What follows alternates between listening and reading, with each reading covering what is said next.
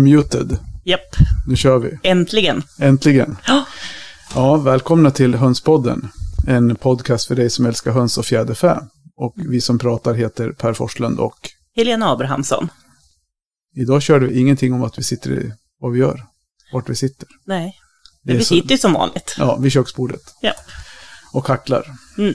Ja, vi- Kakorna står framme, kaffekoppen. yes. Fast vi, vi brukar inte äta under tiden vi spelar in dock. Nej, Nej, ibland har vi druckit kaffe mm, i någon ljudpaus. precis. Du, en vecka går fort. Vi gör faktiskt det. Det går rasande fort. Det känns som att jag inte gör något annat än spelar in poddar. Nej, du gör ju inte det heller. Det gör jag väl. Jag försöker leva och jobba och, ja, nej, det Ja, nej. Du, du har i alla fall en podd till. Ja, precis. Ja. Vi har ju Kakelperras podcast. Den får ni gärna lyssna på. Den har, vi har ändrat eh, inriktning på den eh, ganska mycket. Så just nu är den ganska sjuk. Nej, men vi skämtar med, vi har eh, drog ju om efter årsskiftet. Vi kände att det var liksom för tungt och tungrott. Så nu har vi mer humor. Mm. så vill ni garva ännu mer så får ni lyssna på den. Humor är bra. Om ni gillar våran humor. Ja, men vad kul. Vad heter det, säger jag ofta. Det har jag tänkt på, vad kul. Mm, Det mm. kanske är kul. Eh, jag ska tänka på det, låta Mm. bli det. Eh, jag skriver skönt med vår i luften, det sa vi förra veckan med, men det är ännu Mm. mer vår nu. Det Ja. har ju varit typ sommarvärme. Ja, alltså satt ute på café i helgen. Nere vid, på kajen. Ja, jag såg det. Mhm. Hade hund, en hund med bara. Ja, Helt ljuvligt. det gjorde inte ont. Inte ett dugg faktiskt. Nej. gick bra med hundarna också i... Ja, alltså de är ju lite nybörjare på det här med att vara ute på stan. Mm. Jag höll på att säga coronavalpar, men ja, de är ju inte så. Men de har inte varit ute så mycket på stan. De är inte så typ- valpiga. Nej, Nej, men nu så. Det var inga problem. det är lanthundar. Ja, ja det är ju det som är grejen. de går ju mest i skogen. Ja. Mm. Men det, de var så duktiga. Du, eh, dagens avsnitt. Mm. Det har jag faktiskt sett fram emot riktigt Ja. länge. Är, Sen vi började spåna lite på de här funderingarna, vad vi ska göra vartefter. Vi har ju en, hel del funderingar ja. och tankar om vad, vad vi vill, vill göra. ja, men det är ju så. Vi har ju fått... Vi, får ju, vi har ju så mycket teman och frågor som vi vill prata om. Så det känns som att vi skulle lätt kunna ha två avsnitt i veckan. För vi skulle, Mm. Det skulle funka, men vi hinner ju inte riktigt Nej, med att spela in två avsnitt. nej, precis. Så, men det vi ska prata om idag, det är ju, det är lite önskeavsnitt från några av våra lyssnare med. Ja, precis. Framförallt från, en, från vår co-host. Mm. Hon har, hon har ju eh, varit väldigt enträgen med att vi, ska, att Ja. vi skulle haft det här i början. Ja. Vi ska prata om höns i historien, Mm. lite grann. Precis. Och då är ju inte vi experter. Nej, verkligen inte. Kan jag säga om mina egna vägnar i alla fall. Ja, ja nej, det är samma här. Man, man, jag kan ju lite grann det jag har läst mig till och läst och så, hört. Mm. Men Mm. eh, inte så att jag känner att jag kan... De har funnits länge, i flera tusen Mm. år. Mm. Men det är ju inte riktigt på den, Nej. det jag känner att det är. Så vi ska alldeles strax släppa in en gäst.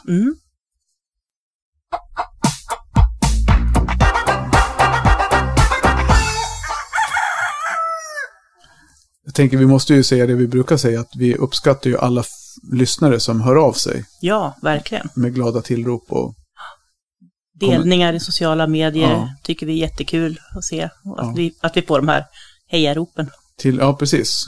Och det, är ju, det uppskattar vi verkligen. Och vi Mm. ser ju också att det nämns i vissa trådar på Facebook att ja men du lyssnar på Hönspodden, de pratar om det. Och Mm. Då blir vi jätteglada, för det var ju Ja. det som var hela tanken med det här, att vi ska finnas som ett statiskt, liksom, en statisk FAQ för hönsmänniskor. Mm. Precis. Så ja, Mm. det är roligt. Och ni får Verkligen. gärna fortsätta med det och dela. Och, Ja, absolut. Och skicka in frågor. Ja. För vi har ett par lyssnarfrågor som kommer senare i avsnittet också. ja, vi försöker ju suga upp, antingen om vi får direkta frågor, eller så Mm. suger vi upp någonting som vi ser som är intressant ute i trådarna. Mm. Och det finns ju mycket intressanta frågor, Mm. relevanta. Precis, det gör det verkligen. Så ja, Mm. vi, vi kollar väl om vi har våran gäst med på tråden. Mm.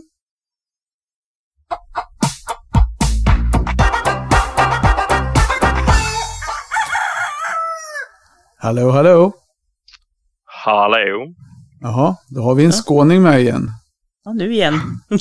Ja, det var inte vidare snällt sagt, men ja, ja jag tar Nej, men- det som det kommer. Nej, Ja. vi hade ju Det Hess.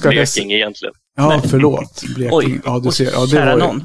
Ja, det kunde ha blivit en ren, aj, aj. ren fade av det där. Ja, vi hade Mm. Oskar Ja. Hesselmo med. Han, han är väl skåning i alla fall. Ja, jo, han kan inte svära sig fri. Det Nej. Är så tydligt. Men hur, hur hör man skillnad på skåning och skånska och blekingska? Ja, det beror lite på hur man säger det. Alltså, Var man ska komma ifrån. Ja, hela livet med sägdraget och Ja, så. Men det är Mm. ju lite mer rappa sådär. Men, I Blekinge? Nej. Skämt åsido, men eh, för oss här nere är det ju tydlig skillnad. Men för andra kanske det är svårare. Det är som Fagersta Mm. och Västerås och Sala och Ja, Sura. Ja. ja. Gnällbältet. Ja, men så är det de som kommer från Sura. Och sen Ja. Halsta. Halsta och Sura. Ja. Det är väl typ här. Det var Ja, men- lite lokala, Ja, precis. vad heter det, ja, Utvikelse. skojigheter. Ja. Vad heter det? Vem är det vi har med oss? Ja, jag heter ju då Erik Nilsson och eh, ja, vem är då jag? Jag är ju en, i grunden en hönsfanatiker sen så länge jag kan minnas. Mm. Har varit domare i SRF på Rasensidan i rätt, åh, jag kommer inte exakt ihåg men det är fem, sex år. Jag Mm. dömde där. Mhm. Har eh, ja, varit intresserad av allting med fjädrar. Allt från dunkuddar till eh, gäss, papegojor, höns inte minst. Och det var det som var starten till det Mm. hela. Så det är väl ett axplock Ja, av allt man har sysslat med. bor i, i Blekinge antagligen då. Nej, Nej. jag hamnat, bor i Skåne, kommer från Blekinge. Du bor i. Skåne? Ja, du ser, så jag var Ja, inte jag helt bor. fel ute. Ja, nej. Mm. Nej, nej, nej, jag får ju ge dig den. Det var ju inte fel på geografin. nej precis. Sen bor utanför Sjöbo. Okej. Mm. Så är det. Jajamän. Så, ja men det- är ju spännande och intressant. Hur, eh, hur började, ja, men hur, du sa att du var intresserad av höns ända sedan du var liten, men hur började, hade ni höns hemma när du var liten eller någon släkting som har infört det? Nej, alltså jag, alltså när jag säger det, jag, jag har ju inget så här eh, minne av när jag blev intresserad. För jag har varit intresserad verkligen så länge jag kan minnas. Ja. Eh, och jag, så, min, jag är född in i intresset för min, både min mor och min far höll ju på med, med höns och var ju föreningsaktiva inom SRF i olika föreningar. Alltså sen innan jag föddes, sen Okej. 80-talet. Morsan var med och startade BRK eh, i den vevan. Och, eh, så jag bara liksom kom in i det och sen så samtidigt som mitt intresse ökade så minskade mina föräldrar på hela aktiviteten på grund av det här med familj och barn och hus och renoveringar och Mm. allt det där som alla känner till. Men eh, jag var redan biten så det var för sent. Ja. Även om vissa, farsan kanske hade önskat vissa gånger att man inte hade hållit i så hårt intresse som man hade gjort så, Mm. så eh, fanns det ingen återvändo. Så eh, jag är Men- född in i det. Vad är det för, vilka raser har du, eller ja, vilka raser börjar du med? Eh, jag började med uh, dvärglegon när jag var åtta år gammal. Mm. Eh, sen innan, alltså mina första höns, det är en sån här pittoresk historia. För det var så att när jag skulle fylla sju, Mm. så man var tvungen att vara sex år gammal för att vara med i SRF. När jag fyllde sex fick jag ett medlemskap i SRF av min mamma. Mm. Sen, då, några, alltså detta var ju några veckor innan, det var sån här, arbetade i maskopi med andra uppfödare i länet. Så kom hon och så la hon fram standarden på bordet och så öppnade hon den och så pekade hon på tre raser och så sa hon vilken tycker du bäst om? Och detta var ju liksom inte en så här superkonstig fråga i, i hushållet jag är uppväxt i utan det är väl liksom samma standard, den första boken jag läste. Mm. Så då var det så här bara, ja vilken tycker du är finast? Ja, så pekade jag på silversvartfläckiga hamburgare och så sa jag de, det är, det är en riktigt bra ras det där. Mm. Ja, ja, jättebra, kul. Tänkte inte mycket mer på det. Sen då när jag fyllde sju så kom morsan hem med en låda och då var det ju en, en tupp och fyra hönor silversvartfläckiga hamburgare. Okej. Och, så att, eh, det var ju liksom första rasen. Sen så har man väl provat liksom lite allt däremellan. Men när jag var åtta så kom ju då dvärglegon med i bilden. Mm. Mm. Och de har jag aldrig släppt. Nej. Så det är de som är eh, liksom huvudintresset. Legon italienare i alla färger och, och storlekar. Mm. Mm. Så du har dvärglegon, du har det kvar fortfarande? Ja, Är det samma Ja. liksom, härstamning? samma som, linje. Det är det? Yes. Som du började med för, Ja, när du eh, var sju? Ja, vita, svarta, bruna har jag haft sen, sen jag var sju, åtta där. Mm. Det är ju mäktigt. Alltså du, hur, hur, har du tänkt? För vi pratade lite grann om det ja, förra avsnittet med Jirka, mm. ja, som är med i svenska, som är ordförande i Landhunds, Svenska Svenska Lanthunds, ja, ja, precis, Mm. Lanthundsklubben. Om just det här, för många pratar ju om det här med med inavel att man måste byta ut blodet och vi har ju försökt eh, både via Facebook-trådar och sen har vi tagit upp det här några gånger med Mm. så pratat om Mm. det där med. Men hur har du ja, Alltså, resonerat där? Ja, alltså, allt går ju att blicka i, i historien. Eh, hur det har funkat, eh, separata avelsstammar, vad man har importerat och hur djur har spritt sig. Mm. Mm. Det är inga, det är inga mängder vi pratar om. Eh, liksom, ja, vi kan Alltså det, historien har ju format eh, hönsens levande inom, i och med att de har ju varit bundna till oss Mm. utanför Sydostasien. Så är det ju det som har hänt mänskligheten och även påverkat hönsen. Mm. Eh, som i till exempel pandemier och sånt som man inte tänker på. Har ju även påverkat aveln inom höns. Krig, eh, väldigt Mm. aktuellt ämne just nu, eh, har ju också påverkat hönsraser och var de har spritt sig. Ehm, och det är ju bara, liksom nu tar vi ytterligheter. Men ehm, det som jag menar, och för att komma tillbaka till själva ämnet just med inavel, det är att vi har ju naturen, eller hur jag ska uttrycka det, att, att hålla på med djur som är väldigt okänsliga för inavel. Mm. Sen Mm. självklart så ser man ju mätbara faktorer inom sin avel om man studerar och känner sina djur rätt snabbt. Mm. Vad, vad som tenderar att dyka upp när du får för homogena stammar och lite sånt. Eh, jag tycker i grunden att eh, man eh, är, man är man medveten om de grundläggande avelsteorierna och eh, att man inte, ursäkta uttrycket, men släpper igenom skit Mm. Mm. så eh, håller man en frisk stam väldigt länge. Och sen Mm. måste man också tänka på att man håller en, en så god genetisk bredd som man själv kan göra. Mm. Mm. Eh, och det är att man inte avlar på alldeles för små grupper, att man eh, håller koll på sina linjer, att man eh, undviker direkta syskonparningar. Eh, Mm. Att man, eh, alltså, kan, man, kan man hålla sådana eh, linjära bitar så långt det går så kommer man väldigt långt. Mm. Eh, och jag har ju haft koll på mina djur som sagt sen, sen dagen jag började. Och det är liksom rätt så kul när man går tillbaka och tittar. Man var ju man kan stava men, eh, men man har ändå gjort avelsscheman och sånt. Ja. När man tyckte det var roligt och dokumenterade ägg och allt sånt. Så man ser ju Mm. liksom vad man har haft och, och vad det har gett. Och tar jag vita till exempel, vita dvärglegon. Mm. Mig vetligen så har jag lagt till djur i den stammen fyra gånger. Okej. På, då, Då är det enstaka tupp, enstaka höna. ja. Ja, och det här är intressant, för det är liksom, det du beskriver är det som vi pratade med Jirka om Ja. förra veckan också. Så att Mm. även om vi har lite olika inriktning på våra avel så är det här grundtanken om, om hur mycket inavel påverkar och inte Ja. samma. ja, det är det. Ja.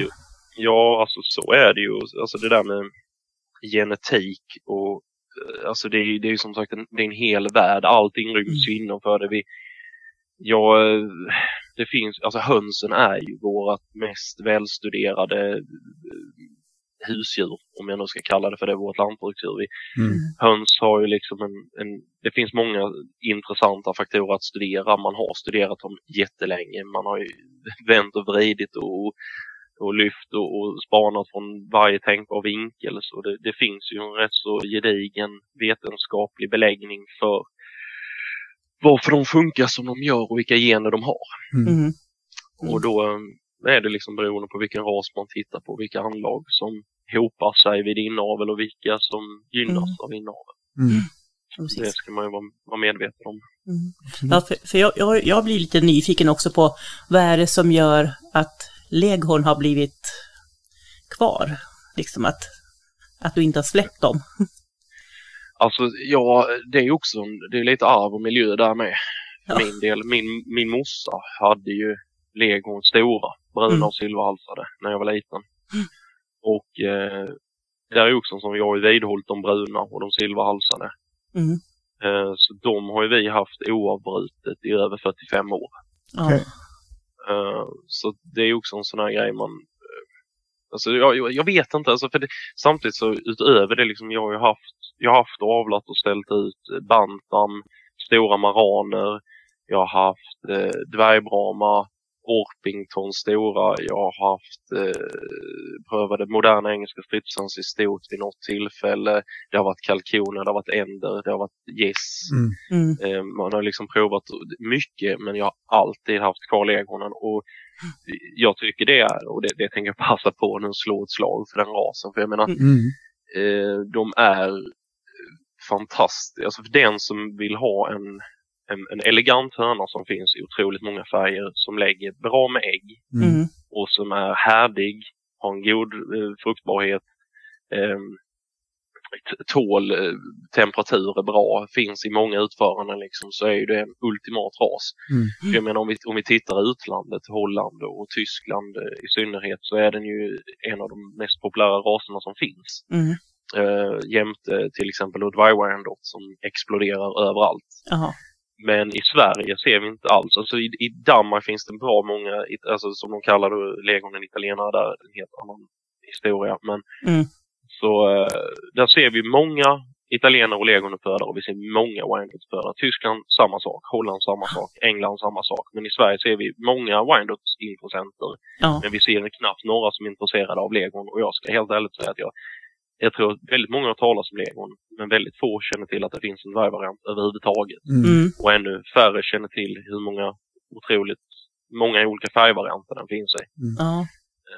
Men så Jag tänker, jag tänker på med just med leghorn och de här raserna, det är ju det att man, man tittar ju mycket, många vill ju ha ägg när man köper höns. Och det är ju det som är Mm. själva syftet, att man vill ha sina egna ägg. Och jag, då tycker jag, liksom istället för att man köper de här hybriderna som inte egentligen är tänkta att vara sällskapshöns eller på något vis Mm. vara hemma på gårdar hos folk. De är ju inte riktigt, jag, enligt mitt tycke i alla fall, de exemplen jag har sett så är inte det sociala djur på det sättet som man kanske upplever att andra typer av raser är. Då är, väl, är det äggen man är ute efter så är väl leghorn ett alldeles utmärkt alternativ. Ja, men sen, alltså det där är höns blir vad man gör dem till. Mm. Mm. Alltså har du intresset av att, att klappa och gulla och plocka med dem så är ju inte legon att föredra. För att alltså de, de har ju ett, eh, ett sjätte sinne. Mm. Eh, de, alltså så här, när jag går in i mitt hönshus så de springer runt fötterna på mig, de flyger upp i matbunkar, de kan sätta sig på axlarna på mig. Det är liksom, de, de, de är inte rädda för mig. Nej. Men, och, och de vet ju detta är rutin. Det är liksom, det är inget problem. Sitter jag ute på knä en sommardag och de går ut på gräsmattan, ja då kommer de fram till mig och glor. Mm. De är sociala. Men Mm. det är någonting som händer samma sekund som jag bestämmer att fan, idag ska sortera eller jag ska flytta dem eller jag, ja, helt enkelt jag ska hantera dem, jag ska fånga dem. Ja. Då, eh, då, bara, då vet de sekunden innan jag ens har tänkt tanken att fy fan, idag är han, han är ute efter oss nu. Ja. Nu får vi hålla oss undan. och då är de ju flaxiga och de är duktiga på att flyga och eh, kan ju Mm. skräna rätt bra också. Så liksom, så visst, där, men, men Mm. jag är ju en, en ögans man. Jag gillar ju att studera djuren, gillar att se dem gå ut och då tycker jag det är få saker som är så vackert som, som leghorn faktiskt. Mm. Ja, det låter som att du har en passion verkligen för, för dina höns. Eh, Hur många, men hur många raser har du aktivt som du har hemma nu på, på gården? Mm, ja, alltså det är lite, jag känner ju, jag är lite nere i en eh, dipp för tillfället för att det har varit som, det är som vanligt det här med livet, allting händer, man ska göra allting, man bygger och man, eh, man fixar och man donar men som sagt legonen kommer ju alltid vara kvar. Men just nu så har jag ju, tror det är sju, sju färgvarianter på dvärgleghorn. Mm. Och sen har jag ju försökt bevara en särskild stam på svensk dvärg. Mm. eh, som Mm. jag då håller och, och försöker eh, reproducera. Och sen så har jag lite blandat yes, sådär som jag gjorde en satsning på för några år sedan. eh, Med blandat resultat, men där är Mm. lite yes. Och sen så, det är väl det som finns om man säger bland rasfjäderfä. Mm. Sen har jag ju en hel del prydnadsfåglar och sånt utöver Mm. som jag håller på med också då. Ja. ja, det låter ju som att du har, du har i alla fall mer än genomsnittet kanske. Eh, Ja, det är inte, det är inte fem hörnor och en tupp i en, en ombyggd lekstuga. Det Nej. är det ju inte. Nej, precis. Så är det.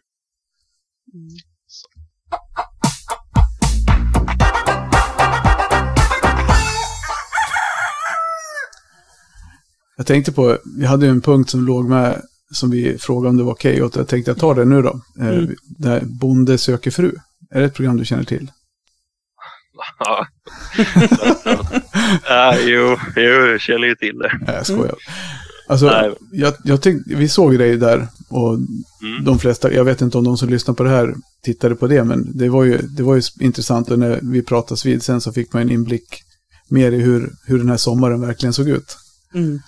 Eh, Men hur, hur liksom var det, tyckte du det var värt att vara med i det programmet? Alltså det, nu, det är skönt nu när man har fått lite distans till det. Ja, Alltså, eh,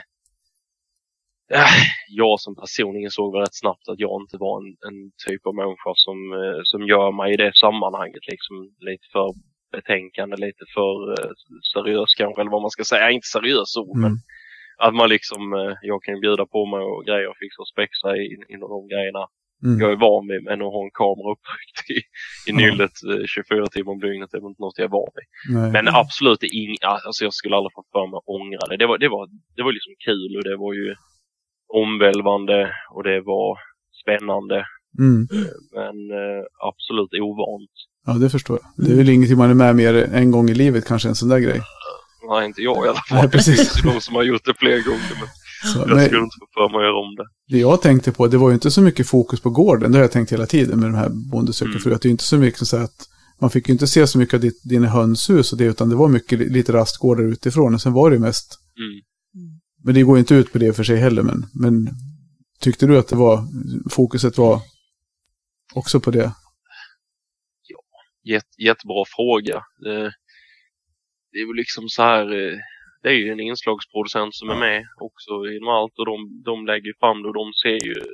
De, de liksom läser, deras jobb är ju att läsa av eh, kemin och situationen och Mm. försöka hitta någonting som är, som är intressant ur deras perspektiv. Ja, Mm. här. Och eh, jag fick ju väl ingen hönsfanatiker till inslagsproducent. Nej, precis. jag, jag tyckte de flesta var rädda för dem. Så det var, eh, man fick lotsa folk in på gården varje gång de skulle gå till bilar eller annat. För det var gässen som gick ut och betade. Och. Mm. var de rädda för det. Och, ja, så det var, nej det var inte jättemycket så här, det, det kan jag hålla med om.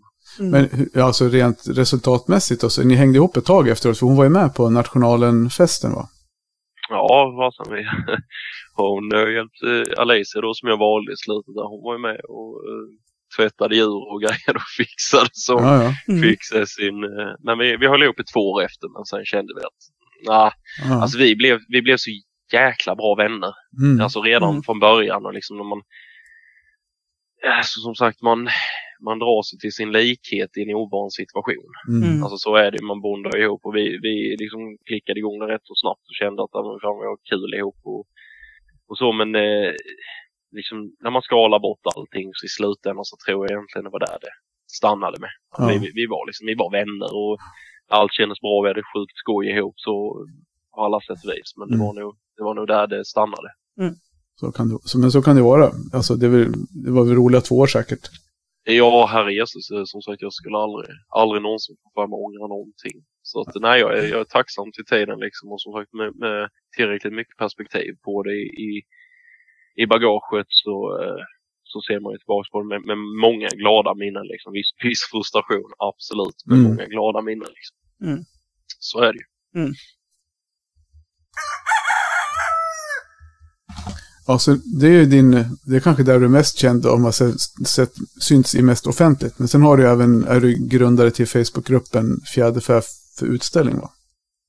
Ja, stämmer har- bra. Men den här, jag tittar nu, den hade ju inte, den har ju lite följare men inte supermånga. Men vad, hur var, vad var tanken med den gruppen från början? Alltså, eh, ja, utan att ta på mig alltså äran, absolut inte. Det var så här, jag, jag, så, hängde mycket med Oskar Hesselmo där ju, Mm. eh, när vi ställde ut som mest och eh, mycket innan, innan hans körkortstid och annat och vi körde till nationalen ihop och grejade och fixade och flängde över halva Sverige med olika fjäderfäutställningar så eh, så kände vi det rätt så snabbt att det fattades liksom ett, ett forum. Alla andra dök upp på Facebook och det diskuterades ju av ett och rätt och fram och tillbaks och frustrationen har ju alltid funnits. Att, det, att man liksom, hur når man ut till folk i och med att jag är uppväxt med, med den här, eh, de brinnande guldsjälarna. Mm. Mm. Eller eh, eldsjälar rättare sagt, inte guldsjälar, det har de också. Men, ja.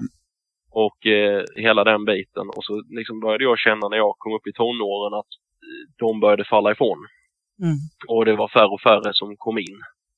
Och så liksom det här, "Åh, hur ska man ta hand om medlemmar? Hur ska man ta hand om folks intresse? Hur ska man förvalta hur ska man förvalta föreningarna och hur ska man, eh, ja, hur ska man helt enkelt göra? Mm. Och självklart, den första delen är ju att nå ut till så många som möjligt och sen då försöka snappa upp folk eh, inom, med rätt typ av intresse i, eh, med, på ett tydligt sätt. Och jag tycker som sagt just bara gruppnamnet Fjärde för utställning, Mm. det säger Mm. ju allt. Det är ju liksom vad, vad grundgrejen är. Sen så in- involverar ju det mycket mer och jag vet ju också att det, det finns en hel del förutfattade meningar om just det här med utställningsbiten. Mm. Mm. Men eh, som jag alltid har sagt runt just fjäderfäna är ju att jag har tyckt det varit en fantastisk eh, djurgrupp just i och med att de fortfarande är så pass djupt förankrade inom jordbruket.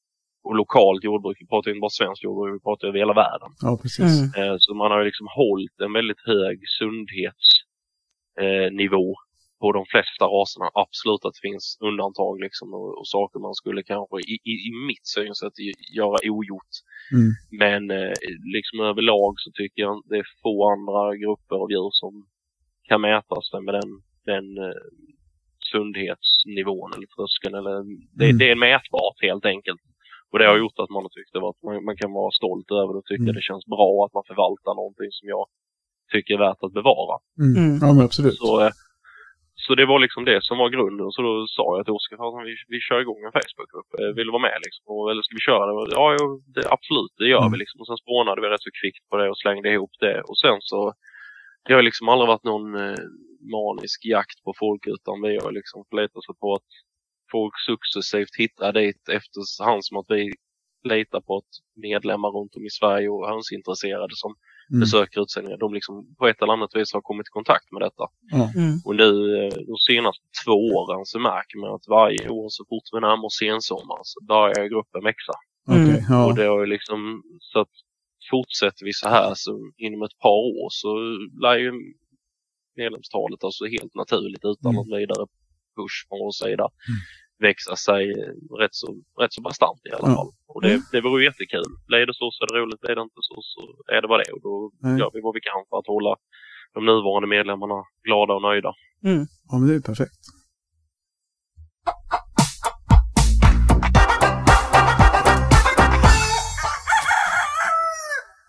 Nu kom det en tupp. Du, vi ska glida in lite snabbt så inte folk sitter och tror att vi har glömt bort själva dagens huvudtema. det känns som att vi Ja. har pratat om allt annat. Nej, men Ja. du varit inne och touchat lite grann på det i och med att du har sagt att eh, Mm. höns har funnits vid människans sida länge och ja, spridda över hela världen och hela den biten. Så det var det vi, vi som var med på nationalen för, vad är det, tre år sedan nu, tror jag? Mm. När du var sjuk Mm. Helena och Ja. inte lyssnade. Nej, jag gick dit, började lyssna, ville gärna lyssna klart och så satt jag hostade hela tiden. Jag kunde inte sabba allt. Ja, för det tycker Så det var, jag, jag- och det var jag jätteledsen för verkligen, att jag missade det. och det är väl en utav, tycker jag, ett utav de, en av de bästa nationalutställningarna vi har haft, som jag har varit med på, där det har varit så alltså, bra arrangerat runt omkring, där man ordnade Mm. lite aktiviteter. Ja, Där den här föreläsningen, jag vet inte om det var en eller flera, men jag vet att jag var lyssnade på dig när du pratade om höns och historien. Mm. mm. Jo, jag, jag, jag tittade lite snabbt på det. Jag tror vi hade fem delar. Vi försökte liksom dra en liten snabb eh, resumé. Mm. Mm.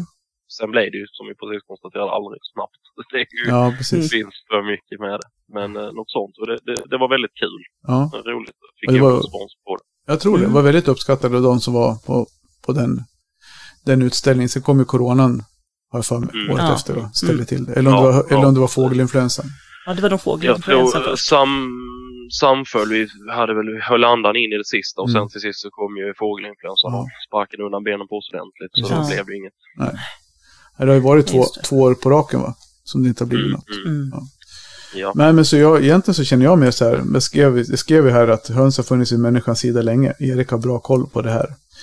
Eh, och sen inte ju- vet jag om du vet vilken den första hönsrasen var, var den fanns, men vi börjar där. Så får du, släpper vi över ordet till dig en, några minuter. Ja, precis. Så får hålla igång gången.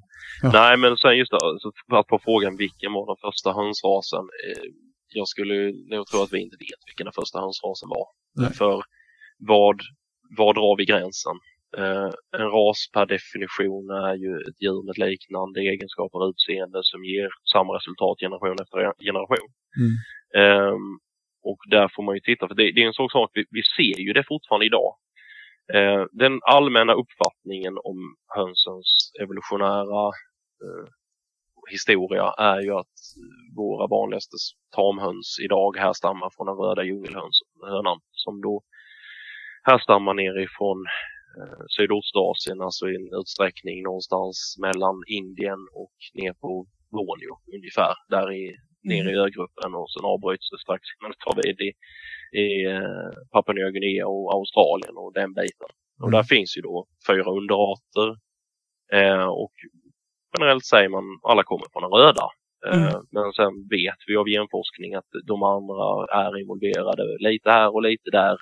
Eh, men att eh, man spjälkar ut det och sen säger man att huvudfadern är den röda djungelhönan. Mm. Och det är liksom en, det, är- det är den enkla, där är skolversionen. Här, så Mm. nu vet vi det. Var är vi då i Mm. tid någonstans ungefär då? Vad sa du? Var är vi i tid någonstans? Ungefär. Oj. Eh, alltså vi är tusentals år tillbaka i tiden. Ja. Eh, vi snackar ju när människan spred sig till, eh, till de här avlägsna ögrupperna. Mm. Det, det är då liksom hönans samevolution när människan börjar. Så Mm. eh, jag, jag, är liksom, jag begränsar mig till att inte säga Nej, årtal precis. för vi, vi, vi är en, enormt långt tillbaka i tiden. Ja. Men, eh, och- det är där det kommer där att vi kan ju spåra det tillbaks för att om du idag håller på med prydnads, prydnadsfjäderfä, alltså då vildformer av olika fasaner eller hö- vildhöns, eh, så märker man rätt snabbt att okej, hej, jag skulle vilja pröva att hålla röda djungelhöns. Ja, så så börjar man söka och så finns det en uppfödare i Holland, en i Tyskland, en i Sverige, en i England, en i vad det nu än kan vara. Så säger de alla, jag har röd djungelhöna. Och så börjar du studera dem rätt snabbt och så inser du att, ah men vad är detta egentligen? Mm. Eh, för att många gånger eh, så det som exporteras eller har kommit till Europa som röd djungelhöna är inte nominat. Utan det är en semidomesticerad variant som Mm. har levt i närheten med människor någonstans i de här ursprungsländerna. Och sen finns det ju ett x antal underarter av röda djungelhöns till Mm. att börja med.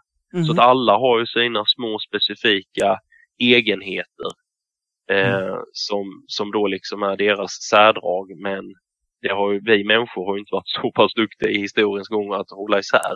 Så att få, få tag i äkta rena djungelhöns Mm. eh, i en, med, i en särskild eh, underart är ju väldigt, väldigt svårt. Men det Mm. gör ju det som sagt samtidigt intressant att skulle vi åka ner där, vilket forskare har gjort, och studera röda djungelhöns som lever i byarna i sina hemländer Mm. så ser man ju där de första stegen mot, mot domesticering och även liksom fullgången domesticering. Mm. Eh, så att höns i människans tjänst i Skandinavien Mm. är ju egentligen en rätt så sentida, ett sentida hittepå. Om vi tittar på deras totala totaltiden som de har funnits i närheten av människor. Och det är ju helt enkelt bara att vi, eh, det, det är hur snabbt vi har kunnat röra oss, hur, hur överlevnadsgraden har sett ut och eh, vad vi har haft för syfte med djuren vi har hämtat. Mm. Mm. Så Men typ man, höns i Sverige då, är det vikingarna som är orsaken eller anle- ja. Ja, de, de, de brukar ge, man ger ju vikingarna, om man säger grund, eh, vad säger man, att man ger dem eh, den medaljen helt Ja, enkelt. precis. För de som Mm, tog, cred, ja. tog hönsen, ja credden precis, att de fick, eh, fick ta hit hönsen. Eh, sen har ju sentida forskning inom stenåldersmänniskor visat att vi hade en extrem invandring av lantbruksmänniskor ner från Centraleuropa till Norden Mm. Mm. betydligt tidigare än vad man trodde. Och vad de då förde med sig för djur, ja, bland annat getter och, och hästar. Mm. Mm. Och liksom så här börjar man lite tvivla, vem, vem, vad var först helt enkelt. Men ja, definitivt att, att höns innebar en, en handelsvara för vikingar. Mm. Det, det är någonting vi vet. Mm. Eh, och kan bekräfta i arkeologiska fynd och i, i ris, runristningar och ja, överallt. Eh, och sen har ju då liksom tuppen har ju haft en, en extremt stor roll i eh, sagornas värld. Den har ju liksom, den är omnämnd redan där och den har ju blivit en religiös symbol nästan om vi säger inom kristendomen Mm. med kyrktuppen och allt detta då som också är från, från forntida sagor. Så vi vet ju att den har Mm. funnits här länge och någonstans i, om man säger mittvikingetid beroende på när vi började ta oss ner från mot Italien, Spanien, för det är väl lite där handelsvägarna man börjar liksom spåna. Det är troligtvis där det har kommit sjövägen att vi har lyckats få med oss upp.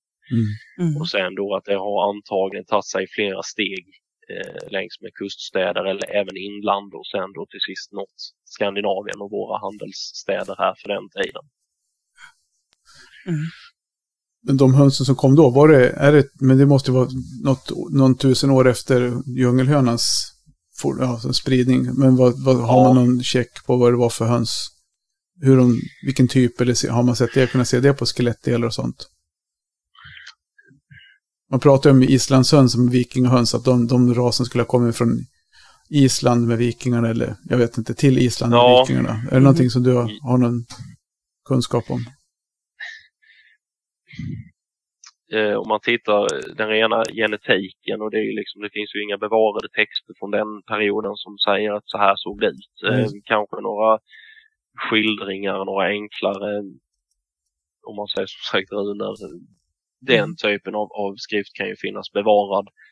Eh, exakt just islandshönan, där är väl inte mitt esse. Det finns säkert de som skulle säga emot mig och, och skrika och säga att jo men så är det. Och det är absolut möjligt att, att de, det, det finns liksom att det finns sanning i det.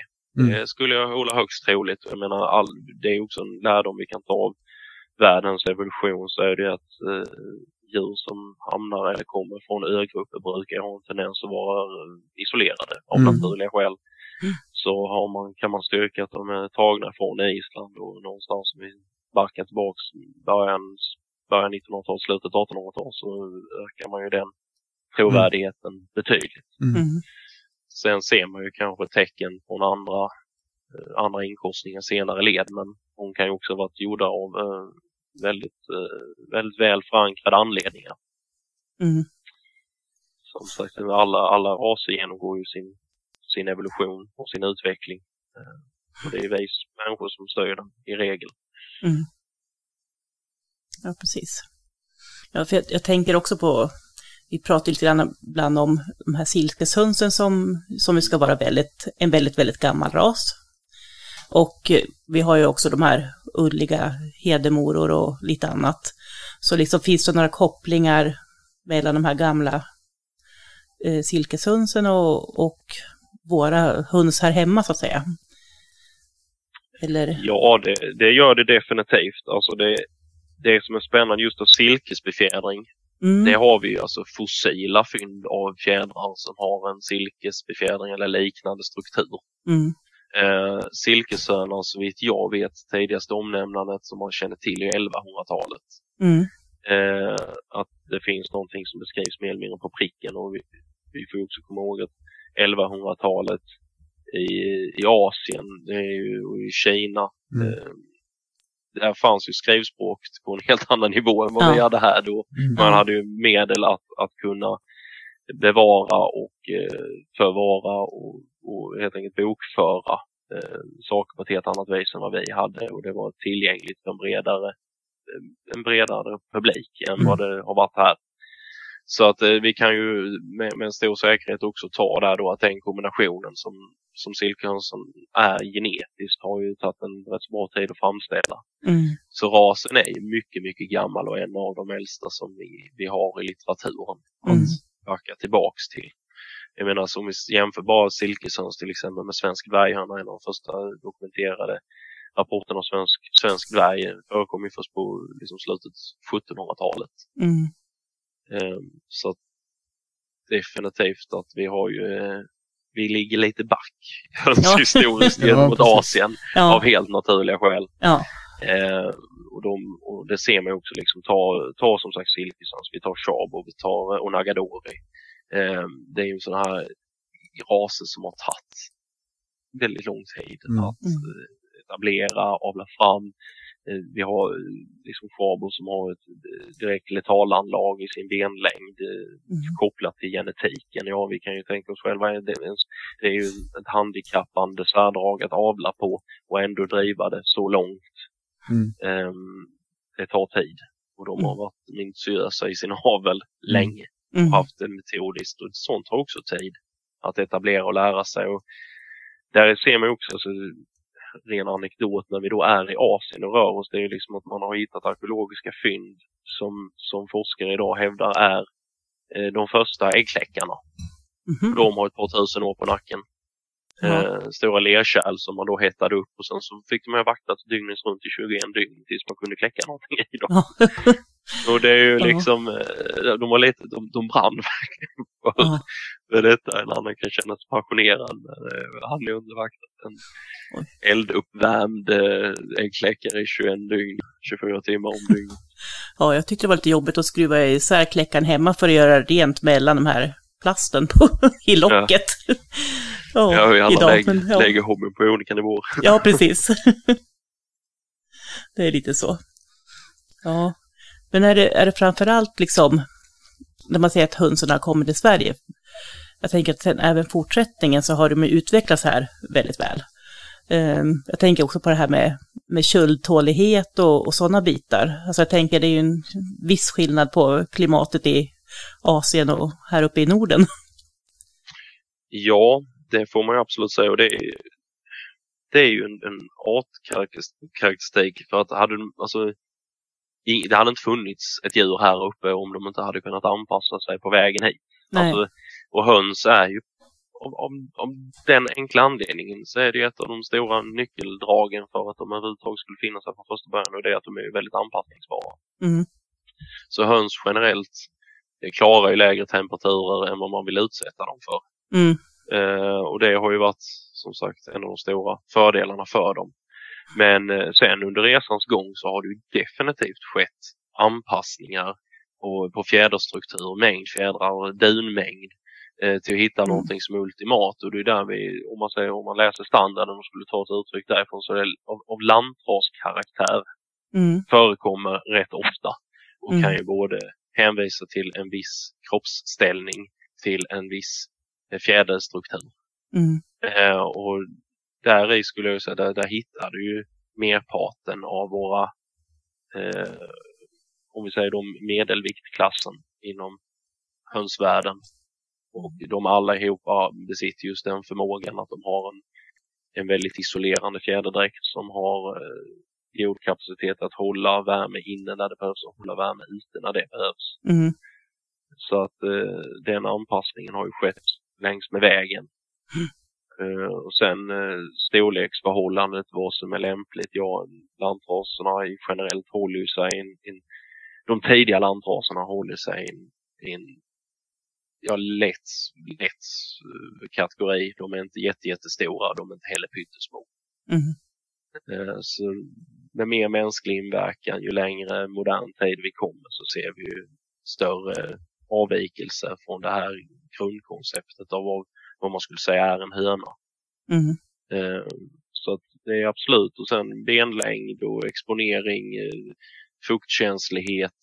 Många sådana saker som du kan inte se på utsidan men som, som har ändrats i deras förmåga eh, i övrigt. Kamstorlek och sånt. Ja, det är Mm. ofta en anpassning för ett varmare klimat som du ska göra av med värme eller hur du ska visa upp det eller vad det är. Men de- Mm. de generella djungelhönsen i sin grund har ju relativt små kammar Mm.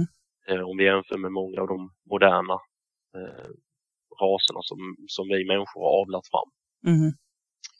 Så lite sådana grejer. Mycket, mycket sitter mer på, på insidan och anatomin och strukturen. Och Mm. så Lite så skulle jag säga. Men det där med lantraser då, alltså skillnaden där, vad säger du? När började man titta på det eller när kom det in i... Vet du, har du någon koll på det?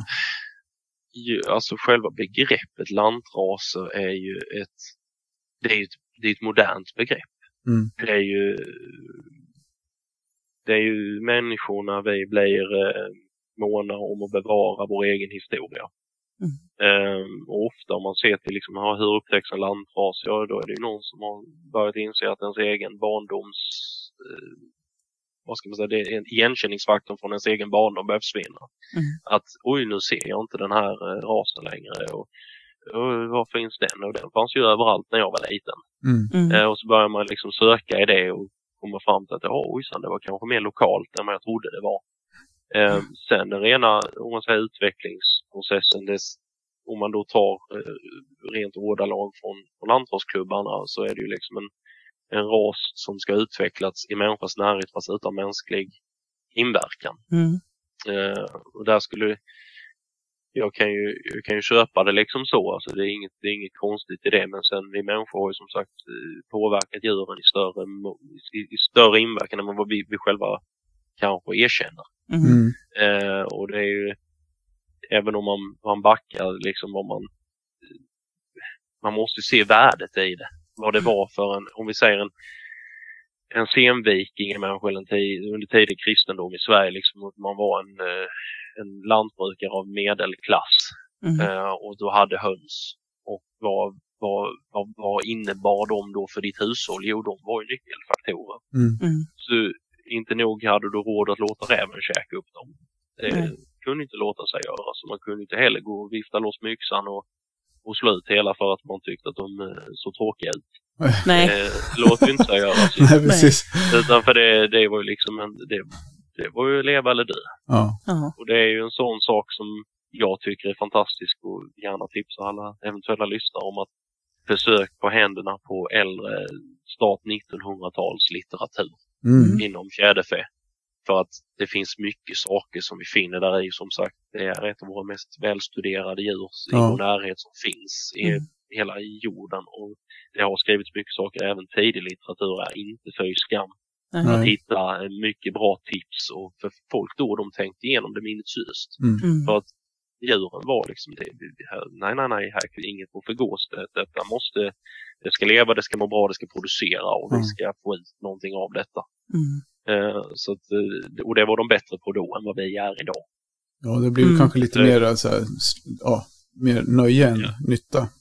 Ja, absolut. Men eh, som sagt, varför det var varför vi backar i historien så var inte allt sämre. Och det är en sån grej jag många gånger kan känna att det finns väldigt mycket information och kunskap inom eh, hönshållning som det kan, jag beskrev det någon gång nu, att det känns som att eh, det känns som att vi har tappat ett kapitel i historien för vi är som, det, det, det är inte jättemånga saker som vi är sämre på idag än vad vi var för hundra år sedan men Mm. hönshållning är vi brutalt mycket sämre på idag än vad vi var för hundra år sedan. Vad skulle du säga att den största skillnaden är på det då?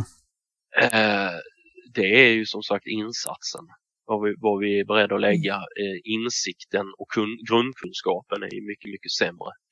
Eh, vi gör det, alltså det, det, det är den här man ska, nu måste man väga orden på guldvåg för att man måste liksom, man måste skicka ut rätt, rätt signal. Jag Ja, säger inte att djur Mm. inte ska skötas. Det måste de ju självklart göra. Men man kan översköta ett djur eller man kan anpassa en miljö för ett djur efter ens egna miljöuppfattning. Mm. Mm. Men vi måste inte ha samma preferenser som en fågel. Vi har helt olika preferenser. Mm. Eh, så att man sätter ofta mänskliga, mänskliga faktorer och försöker sätta in det i, i hönans eh, eller fågelns då, livsvillkor. ja, Mm. precis. Och de är ofta inte kompatibla. Men det är ungefär som med, det är ungefär som med hundar när man säger till hunden uppför dig som folk. Men hur fasen, en hund är en hund och det är ingen människa. Och det är, det är ju som med höns, liksom, att en höna mår ju bäst av att ha, vara utomhus. En, en höna mår inte så jättebra av att vara inomhus i. Nej, Nej. Alltså det, det är också, alltså bara som ett så här ultra snabbt exempel på ett av de vanligaste misstagen jag skulle säga folk gör, det är överisolering. Mm. Mm.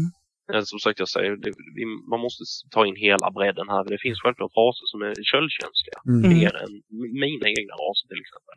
Men det finns ingenting mina raser mår så dåligt av som fuktig luft. Nej. Ett, ett överisolerat, underventilerat hönshus, Mm. det är, det är en, en bakugn för bakterier. Mm. Och då kommer man få problem förr eller senare. Mm. Eller så får man parasiter och då får man helsike och hålla det rent. Mm. Eh, liksom, man ska hålla fräsch, sval luft eh, i ett, ett stabilt, eh, dragfritt klimat. Mm. Mm. Uppnår man det, då har du friska höns. Ja. Mm. Och det låter precis som det Anders sa i, kanske var det vårt första ja, det var första program. avsnittet. Ja, Anders Söderberg vet du ju. Ja. Ja, Han var ju med Precis. och han, vi pratade just om det där. Han sa det att förr hade man ju hönsen ihop med i laggorn och sen släppte man ut dem på våren och där var det ju den miljön de gick i och sen fick de ju ja, klara sig där inne bäst de, Mm. ja, Mm. men alltså så. Man hade ju inte höns i separata, i, ja men folk köpte ju inte lekstugor på 40-talet och, och ställde ut till hönsen utan man nej. Så levde man ju Nej, annorlunda. De hade ju kanske inte höns på samma sätt som vi har idag heller, men, Nej. men det är ju ändå... Men det Mm. där skulle jag, alltså, inte få rätta på något vis, men där skulle jag säga att det är lite av en, en, en tvedelad sanning. För att på, om vi ska backa till 20-talet, innan första världskriget och allt det som skickade hela Europa in i depression. Så att, att hönorna var ju värda mer. Mm, Mm. Eh, så att många, alltså ett, ett småskaligt lantbruk som aldrig någonsin skulle bära sig idag, det var ju själv, självförsörjande. mm, Mm. Eh, inte bara genom egna produkter utan även genom egna inkomster från sina djur. Och då Mm. snackar vi ett fåtal uppstallade kor. Mm. Eh, en mindre värpesättning med, med höns som genererade då pengar i form av, av ägg man sålde. Eh, och så att eh, i de här, jag har en av min, min tidigaste bok som jag har litterärt med höns, den är från 1800, 1868. Mm. Och eh, redan där beskrivs liksom tydliga ritningar på alltså, fina hönshus. Eh, Mm. Hur man liksom byggde och det pratar inte i detalj som spikning av läkter och vilket Mm. väderstreck huset skulle vändas för optimal solexponering. mm, Eh, hur man liksom byggde löstagbara inredningsdetaljer som skulle vara lättfettade. ja. Det var liksom så här ner på detalj hur man skulle sköta sina djur och när man skulle kicka in med extra mineraler baserat på vad som Mm. fanns tillgängligt. Och, så ja, det, det var liksom, det var ju självklart de som liksom där det inte var huvudkomponenten och där man liksom höll dem tillsammans med andra djur. Sen var det ju samtidigt de som på en mycket, mycket mindre och mer uppnåelig skala Mm. satsade Mm. på det. Där man byggde fenomenalt fina hönshus och liksom det, det, det var eh, guldkornet i på gården. Ja. Och det är därför vi bjöd in dig, för att du har uppenbarligen en jättedjup kunskap i det här. Jag menade liksom mer allmänt att vi håller ju höns Ja. inte av samma syften idag Nej, på samma nej, sätt, nej, utan det blir mer Mm. så. Att man i en villatomt så, men det är ju den här kunskapen du pratar om nu, det är ju den många efterfrågar. Alltså det finns ju jättestor efterfrågan på allt från att hur man ska konstruera hönshuset till hur det ska inredas och den biten. Så Mm. vi kanske får anledning att, komma tillbaka till dig i ett sånt avsnitt också. Mm. Prata om det. Ja, ni, ni är hjärtligt välkomna. Det är som sagt alltid svårt att hålla sig till ämnet. Nej, det, men Det- absolut. Vi har väl, jag tycker vi håller oss jättebra till ämnet. Absolut. Så vi, vi, vi kör på. Jag tänker mer också där med, du sa före kriget, vad, vad hände liksom efter kriget med höns? Var det någon större, stor skillnad då eller? Efter första världskriget eller? Ja, alltså det är, vi i Sverige, vi kanske inte alltid inser extremt hur eh, privilegierade vi var i den situationen som vi befann oss i. Mm. För att vi, vi, vi hade ransonering. Eh, det är ingen snack om den saken. Min morfar och hans bröder var födda mitt under krigsåren och var där 16-17 års ålder när, när detta bröt ut andra världskriget. Då. Mm. Och var ju liksom med och man fick höra alla referaten och det funkade och då, då snackar vi torpa bakgrund. Mm. Mm. Eh, så det var en väldigt spännande historia att få, få ta del av och hur allt det funkade. Men vi kunde fortfarande bibehålla våra djur och de blev ju viktigare än innan ännu en gång i och med att vi kunde Mm. få ut egna produkter ur det vi hade hemma. Mm. Och det vet jag min mormor berättat under krigsåren. De hade bruna lego då. Mm. Eh, så det är också lite kul man knyter ihop säcken. Ja. Eh, men eh, i övriga Europa så eh, ser man ju en, en eh, ja, alltså nöd är nöd. Eh, Mm. Man får ha hur fina utställningsstammar eller avelsstammar man vill men svälter folk så dör djuren. Mm. Mm. Eh, och eh, det märktes ju väldigt, väldigt tydligt i de värst krigsdrabbade länderna och i slutet även Tyskland där det blev en enorm depression och eh, man tilläts inte hålla eh, stora raser själv utan det skulle delas upp Mm. och det var liksom för att det fick inte gå onödigt mycket foder, man var Mm. allting ransonerades ju. Mm. Det skulle bli människoföda. Mm. Så att hålla onödiga djur, ja, det, det tilläts ju inte Nej. helt enkelt. Nej. inte i, i allt från mellanstora byar upp till städer. Det var ju ohållbart. De ute på landsbygden, ja de kanske kunde eh, gömma undan med det men eh, militär och liknande samlade ju in och ockupationsstyrkor samlade ju in mat när de kom fram. Mm. Mm. Så det, det ska man ju liksom inte glömma bort. Nej. Så att det, det var många raser som fick stryk på foten och, och tittar man tillbaks i gamla tidskrifter och sånt så är det, det ja vad ska man, det, vad använder man för uttryck för det? Det är rätt så, det är, det är rätt så ögonöppnande att man sitter och ser liksom att folk letar efter stammar, de letar efter raser. Det var precis som att finns mm. de kvar överhuvudtaget? Och sen har man ju skramlat och en del är återskapat. Och, mm. um, så absolut att det, det skedde ju en depression inom djuraveln. Det, mm. det, är inte det prio ett i en sån situation. Men förs försvann det raser också med helt och hållet eller var det? Ja, det gjorde det. Eh, jag kan inte gå in på specifika exempel för eh, så ingjutsyltad är jag inte i det. Men jag vet, jag vet enskilda färger och raser som man jag vet, jag kan inte säga om, om de var tvungna att återskapa dem eller om man eh, hittade fragment. Men jag vet saker som man fick återimportera och, mm. och mm. lite sånt. Och, och, det är också en sån process att ja, om vi ska vara djävulens advokat så var det ju inte super jättefina mysiga pratstunder Tyskland och USA till exempel delade efter krigsslutet utan det dröjde ju rätt så långt innan handelsvägen återgick det normalt och liksom det började flöda in på ett, på ett sätt som gjorde att den enskilda privatpersonen fick en möjlighet att, att ta emot och köpa sig in på det på samma vis som det hade varit innan. Mm. Så är det ju, det ska man inte glömma bort. Nej, Nej men precis. Ja. kom det nedsmygande en, en ung herre och skulle ha en kaka.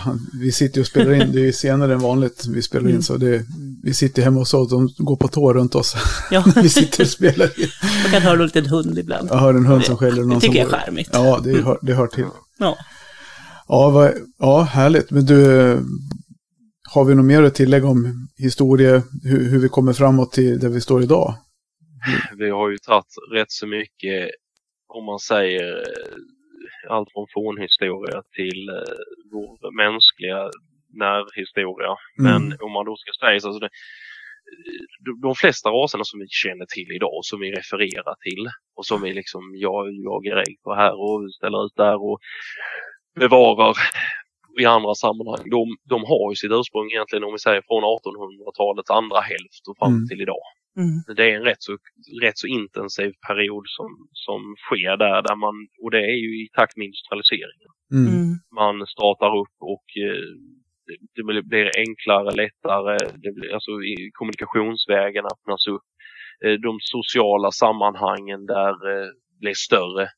Eh, organisationer väcks till liv och, och, och vaknar och andra, om man säger, tidigare gr grunder för hönsintresset, till exempel då tuppväckning som var en jättestor adelssport i 1700-talets England. Den dör ju mm. ut och den mm. blev förbjudet i fler och fler länder och folk är fortfarande intresserade av sina höns och sina raser och då någonstans där så går det in i en, eh, det är en, det är en handelsvara för det första men det går också in i en, en vad ska man säga, det blev en fluga. Mm. Att eh, mm. det här med just hönsavel och att sälja större, elegantare, vackrare, mer välproducerande stammar mm. i kött och ägg då självklart, eller kombination i, som, som var väldigt vanligt för oss här i norr. Mm. Så det blev ju liksom en, en tävling, ett race. Mm. Um, och eh, där finns ett antal väldigt framstående uh, uppfödare som, som tog fram flertalet raser och och, eh, och visade upp på stora extravaganta utställningar bland annat i Paris och i London och i Crystal Palace och där hade man jätteutställningar med stora prispengar. Alltså, vi pratar årslöner i mm. dåtidens mm. summor. Ja. Och man vann där och det var, liksom, det var väldigt, väldigt, väldigt mycket prestige. Mm. Eh, och det, det gödde ju den här eh, flugan att, att avla fram raser och vara med på den ökande marknaden med, med större liksom, när vi kom in till sist i industrisamhället med, med allting började närma sig det som vi ser idag med en storskalig produktion. Det vi ser som en slags konstig norm. Mm. Att vadå, en hönsbesättning på 14 000 fåglar, det är väl ingenting. det har ju inte alltid sett ut så. Nej. Så att eh, då, då, är det ju det man har närmat sig. Och det gör det ju verkligen på sig. Eh, vi ser ju liksom då Legonen och Orpingtonen, Welsunen, Sussex. Mm. Alla de här stora giganterna i historien, de är från en rätt så snäv tidsepok. Mm. Och det är mycket av det som vi bevarar idag. Så mm. ur, ur hönsens historiska perspektiv så är det en, ett sandkorn i timglaset. Mm. Men på det hela taget så är det ju det är inte mätbart. Nej. Så att man får ju, det det är en rätt spännande aspekt att vi, vi många gånger brinner så starkt för att bevara Ja, 150 års utveckling som är i våra, i våra, det är lätt att släktforska sig tidigare. ja precis. Ja. Ja, det är ju så, absolut. Ja. Men om, om, vi, om vi gör en omvänd resa och blickar in i framtiden. eh, Hur ser du på... Ja, det finns ju två frågor att ställa. Vad, vad tycker du att man borde göra och hur tror du att det kommer bli? Alltså vad, vad ser du framåt? Det är jättesvårt. Eh, självklart. Det var, det var självklart att det ska vara svårt. Ja, nej, Nej, nej, men, men alltså, eh, det, det var, den här frågan står inte med i något manus. så Den här blev lite Nej, intresserad nej, nej, att men det, är en jätte, det är en jättebra fråga och jag känner att jag har ett svar på den. För att Ja, det här med, med höns, det finns en jätteviktig aspekt i intresset med höns och det är skaparglädjen. Mm. Vi eh, många gånger eh, växer fast vid ett slags eh, falskt ideal om att allting alltid har sett likadant ut och att vi bevarar det. Men Mm. det, det finns fotoalbum som är tagna då i början på 1900-talet där vi kan följa väldigt många populära raser och inse att det vi ser idag är inte alls Nej. i närheten av det som stod på 1920-talsutställningen nere i London. Liksom. Det, är inte samma, det är inte samma höna.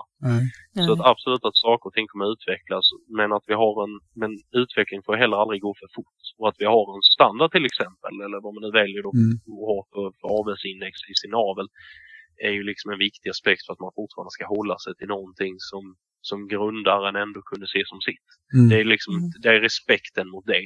Att många raser där finns ett ansikte att ta reda på hur den personen levde och tänkte och ville med sin avel. Och då är Mm. det lite det konceptet man köper in sig på när man faller för en ras och skaffar den.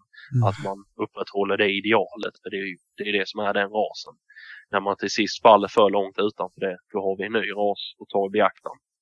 Mm. Mm. Eh, så att det som utställningar och sånt när man jobbar mycket med nya raser och färgvarianter och sånt så tycker jag det är en väldigt det är en viktig del att ta in helheten i, i det arbetet man gör. Mm. För att skaparglädjen är en av de stora glädjeämnena i detta. I alla fall för mig som är väldigt, väldigt avelsintresserad. Mm. Att det är jättekul att ta fram nya färgvarianter och, och liksom finslipa på, på modellen men också väldigt viktigt att hålla sig till originalet. Mm. Eh, samtidigt som nya raser, vi har ju inte sett så ofantligt mycket nya raser. Det mesta som vi ser, eh, om vi backar under de åren som jag har varit aktiv, det är ju raser som kanske har snappats upp från en annan kultur. Mm. Där Mm. vi inte har sett, där, där, vi inte, vi inte, där vi inte har vårt spektra, där vi inte ser vad som har funnits och vad, vad, vad de har avlat på där. Mm.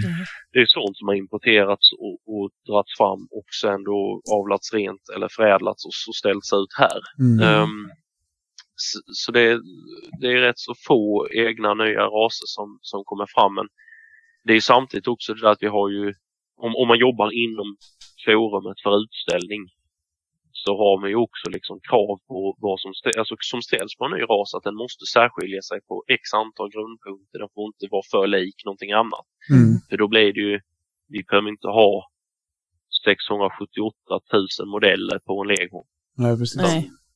Vi är ju ändå rätt så långt komna där med att vi har en jäkla massa olika Ja. typer i olika länder i och med att det är en populär ras. Mm. Utan, och det, den utvecklingen tror jag inte gynnar någon och inte rasen heller. Men att, att man skapar och kommer på och finner eh, moderna nischer för, för höns i dagens samhälle. Mm. Det, är ju, det vore ju fantastiskt jättekul om man hittade andra hälsosamma eh, typer som man avlar på och kommer fram till över tid. Mm. Då är det jätte, jättespännande. Jag tänker Det på, ja, så tänker jag på det här med hönshållning. Hur, alltså vi tittar som nu är det krig i Ukraina och folk börjar, börjar liksom hamstra gula ärtor och, och sådana här saker i affärerna. Majskorn tar slut och toapapper. Mm. Men vad tror du där om, hur man pratar om odlingstrenden blir tydligare för vi vill bli mer självförsörjande. Där, hur tror du hönsen spelar in i en sån roll? Just när det gäller vilka raser som kommer att bli de som man tittar på. Ja, alltså det där med den, om man säger omgång två av gröna vågen. Mm. och den moderna tappningen av gröna vågen så är det ju att eh, det här med att vara mer självhushållande, att komma tillbaks och bort ifrån det storskaliga jordbruket. Att vårt inhemska jordbruk ska få större spelrum och att det ska bli mer ekonomiskt försvarbart och att folk ska välja svenskproducerat. Det är ju en, en definitiv styrka och en, eh, en insikt som jag tror väldigt, väldigt många svenskar har kommit in och, och vaggats in i. Men det är kanske inte så jättemånga som i slutändan tar de här superaktiva valen. Och sen har vi ju dessutom ett eh, myndigheter i Sverige som, som har en utövning som gör det väldigt, väldigt svårt att spela mm. på den spelplanen. Tyvärr, alltså det är bara den krassa sanningen. Ja. Men eh, alltså jag bara blickar tillbaka för att jag skrev ett mejl till kommunfullmäktige i Sölvesborgs kommun när jag typ var 15, 16 bast om att vi skulle försöka få, få eh, anslag för att kunna hyra Slottslängerna som är en väldigt trevlig utställningshall i Sölvesborgs kommun. För att vi skulle då kunna visa upp en bredd av raser i en direkt stadsnära miljö för att vi just skulle kunna möta den här nya trenden av att alla skulle ha höns för att de skulle vara självhushållande. Mm. Så jag menar detta är någonting, vi pratar fortfarande om det som en trend, men det är någonting som har hållit i sig i alltså, ja, 10-15 år. Mm. Det här att, den, att vi har sett en ökning hela tiden och att det, detta är liksom kontinuerligt flöde som kommer. Mm. Mm. Um, så absolut att det kommer spela in och, och, och fler startade men jag tror att vi behöver, vi, vi, måste, det här med information, det vi håller på med nu, vi måste bli bättre på det. Vi måste vara duktiga på att fånga upp folk och att ge dem en, en rimlig bild av vad det är de, uh, hur de borde rikta in det Ja. och att man är osjälvisk i, i det hänseendet att man tittar på vad är det för människa, vad är det, du, vad är det den Mm. vill ha Ja, och att man då försöker tillmötesgå det på så bra sätt som möjligt för att den personen ska få en så ultimat Mm. trevlig och bra upplevelse som möjligt av de djuren som vi själva brinner för. Mm. För att det gagnar oss själva i slutändan. För ju fler vi är som kan enas runt ett gemensamt intresse, desto större chans har vi att Ja. påverka. Och Det det är någonting vi måste bli bättre på. Det är ju en av anledningarna till att vi startar den här podden. För så har vi kommit på under resans gång, Mm. eller egentligen redan från början. Vi, för vår rasförening, Västmanlands rasfjäderförening, heter, det står Föreningen för dig som älskar höns. Det står inte för det, Föreningen för dig som älskar rashöns. Mm. Nu råkar vi hålla på med rasavel.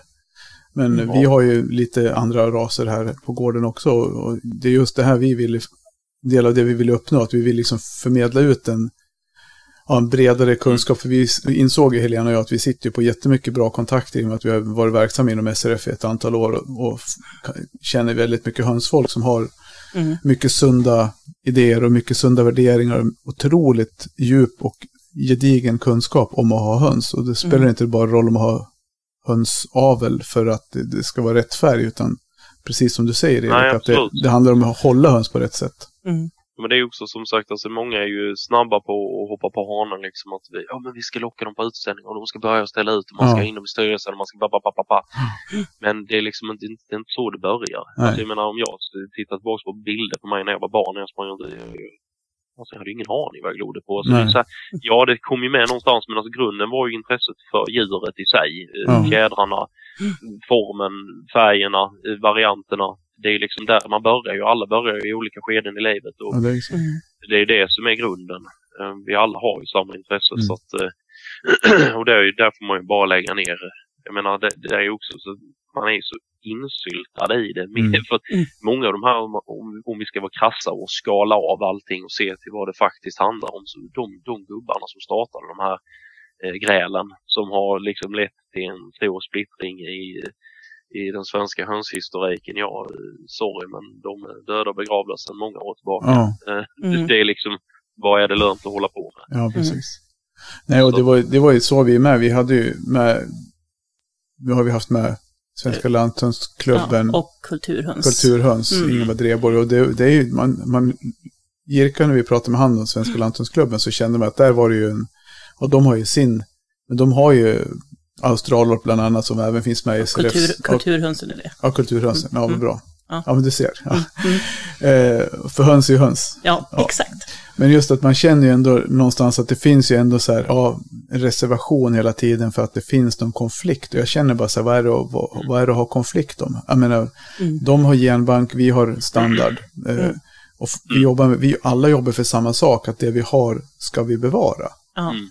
Så de bevarar, Ja, så sina, de bevarar sina genbanker och vi bevarar våra standarder. Och det blir ju liksom, då känner jag också att det, det, det viktiga är ju egentligen, grundidén är ju så här, ja men hur ska vi få våra höns att må så bra som möjligt och vara så produktiva som möjligt. Mm. Ja, det är ju en sån grej också så att alltså där eh, det, det, är liksom, det kastas ju pajer åt höger och åt vänster och de gör det, de gör inte det och vi gör så, men de gör så. Och Ja. så fram och tillbaka. Så det, liksom, det, det hjälper ju ingen i slutändan för att om en klubb står med 600 medlemmar, en står med 1000, en annan står Ja. med 300 eller 400 eller vad det nu är. Det, det, det enda gången vi hade haft en verklig nytta av det är om vi hade stått på samma sida och kunnat representera oss allihopa på samma Mm. papper och sagt att nu är vi Mm. så här många som Ja. faktiskt tycker detta. Precis. Nu är det vi som har den upplevelsen, vi jobbar mot detta. Jag menar, om vi, det är också en sån sak, alltså, mängd människor på samma plats är styrka. Eh, Mm. ensamma så är vi inte så mycket att komma med. Och I Sverige idag så styrs ju alla vi av en industri som vi inte har någon form av, av inblick i. Vi har inget att sätta emot, vi har ingenting att säga till om. Och det, Nej. det är också den krassa sanningen som man måste se i vitögat att eh, vi har många krav på oss och, och som omöjliggör våran egen verksamhet, våra drömmar och våra önskemål. Eh, som, som inte är som inte är vårt skäl till att de ligger till grund utan det är bara för att vi är för få. Helt Ja. enkelt. Punkt Mhm. slut. Hade vi varit fler så hade vi varit starkare. Mm. Och det är ju en sån, om som man har haft en utopi. Jag hade ju önskat att Sverige hade till exempel ett smådjursavelsförbund Mm. Mm. att det fanns en överhöghet som, som agerade på Europanivå där vi hade alla, om man säger avels och, och bevarande klubbarna samlade under att man kunde Mm. vara medlem i någonting större som gick förbi där man Ja, drev precis. frågor på, på en annan nivå och Mm. att det kunde liksom då eh, vara enskilda eldsjälar som liksom kunde driva detta men att man jobbade på nivån över. Ja, Så precis. det hade hjälpt oss väldigt, väldigt mycket. Så är det ju tyvärr. Ja. ja men det, det var intressant. Ja, jag tänkte, det blev ändå en intressant utvikning på det där. Ja. Eh, ja, men absolut. Superintressant att få höra dina tankar kring det. Vi har ju en, eh, vi har ju en till fråga som kommer alldeles strax.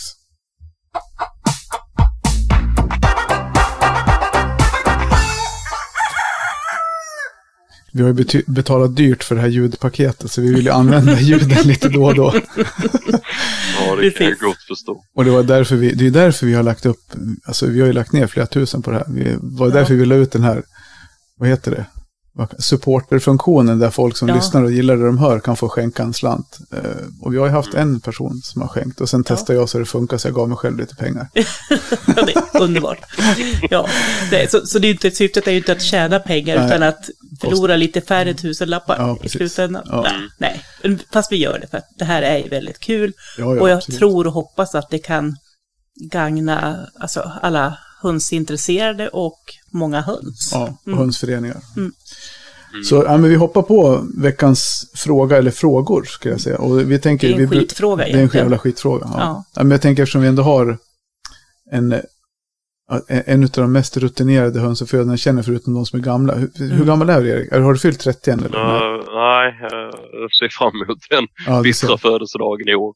ja. Ja. ja, du fyller i år, 30. Yes. Mm. Ja, du vet. Så du har ju... Ja, det är sjukt. Ja, det finns ju må många år att, att verka i detta. Ja, det är framåt ja. Men alltså, tänk, man mer lyssnar, när man lyssnar på det så låter det ju som, det är som att prata med vet du, så här, Torkelsson eller Christer Sand eller någon som är riktigt erfarna. Du är ju, Mm. ja, det är ju jätteintressant, jättespännande. Men vi hoppar på frågan från en, eh, till en erfaren hönsman. Bajspropp på kycklingar. Mm. Mm. Eh, hur, hur man kan undvika det och vad man kan göra för att, om det händer. Mm. Mm. Och är, är det något som du har haft på dina Ja. kycklingar och så någon gång? Absolut. Mm. Alltså det är... eh, Ja, alltså det är det, under, under de åren, alltså det är tusentals kycklingar som har Ja. cirkulerat genom, genom kläckarna liksom. Så Mm. det är självklart att det har hänt. Mm. Eh, bajspropp på kycklingar har väl jag upplevt, alltså det, det är ju tyvärr, alltså det finns ju ingen quick fix för det. Eh, det man ska komma, så komma ihåg med det, alltså oftast när det sker så är det ju på grund av, alltså till, till början med, om vi ska vara bara så här, konkreta ner någonting direkt, så är det det bruna. Om du, om du någon gång sett en riktig senapsskit Mm. hos en höna. Mm. Det bruna du ser där, det är kletiga, illaluktande möget. Mm. Det är överskottsprotein. Ja. Det är Mm. protein som ejhönan har kunnat tillgodose sig under processen genom mag-tarmkanalen. Mm. Eh, kycklingar, är ju, alltså där finns ju samma sak och det är, är också en sån grej. Många snackar om det här med animaliskt kontra vegetabilisk Mm. föda. Mm. Eh, alla kära lyssnare, höns är omnivorer, alltså allätare. De, Ja. de äter allt ute och många skriker ja men säg och så, säg och så. Absolut, det, vi har Livsmedelsverket som säger man ska inte göra så, man ska inte göra så. Men hade hönan fått välja själv, eh, vilket den gör ute i naturen, så hade den tagit det bästa, mest smakrika proteinet den kan få tag i och sen hade den slängt i sig det. Det är Mm. precis som för oss. Eh, och animalieprotein tillgodogör sig en höna mycket, mycket, mycket bättre eh, än vad den tillgodogör sig vegetabiliskt protein. Mm. Sen vi hade den här galna kosjukan eh, i Sverige, jag kommer inte ihåg vilket år detta var, men det är rätt så några år sedan nu. Ja. så, så förbjöd man ju all form av animalieprotein i, i eh, produktionsdjursfoder. Mm. Och eh, där inkluderade ju hönor som tidigare hade en rätt så frisk inblandning av eh, fiskmjöl, benmjöl, Mm. Eh, det var mycket animalieprotein. Eh, och det gör ju också att man får en liten annan struktur på skiten. Eh, Jag upplever just att bajspropp hos, hos kycklingar ofta börjar det med de här kletiga skitarna. När, Mm. du börjar liksom, när de börjar käka sitt startfoder och man får på med så mycket protein som möjligt. Man ska få dem att växa. Och, och det, ska liksom, och det, är- det är helt oundvikligt att det kommer överskottsprotein. Eh, och även bara i de första dagarna så har ju de, då, då processerar de ju gulan som Mm. ligger vilande i kroppen vid kläckningstillfället. Mm. Det är liksom de första 24 timmarna den ska processas och sen ska ju den ut den naturliga vägen. Det är Ja, inget Mm. bättre sätt att säga det på. Nej. Och då kommer ju det här kletiga. Mm. Och då i en substratrik miljö där det är torrt, vi har liksom ingen Okej. övrig fukt, det Nej. skapar klibb. Ja. Helt oundvikligt. Så det kommer ju klibba fast i röven. Eh, kycklingen är ofta rätt så nära marken. Det Mm. bygger ju på liksom upp. Eh, alltså de så här, rent ba- basala, enkla, snabba lösningarna jag kan komma att tycka det är att undvik kladdskit första dygnet eh, eller första, första veckan, första två veckorna. Så jag kör i mina kycklingmödrar så har jag ju tändningspapper i botten. Mm. Sen har jag sand blandat med eh, lite hushåll, eller sån trädgårdskalk, eh, släckt kalk och sen så har jag eh, lite eh, isiströ. Mm. Lite, Mm. lite, lite, lite. För att helt enkelt inte få substrat eh, nivån så djup så att liksom kycklingen ska ha lite distans mellan röven och, eh, Mm. Och eh, botten helt Okej. enkelt. Ja.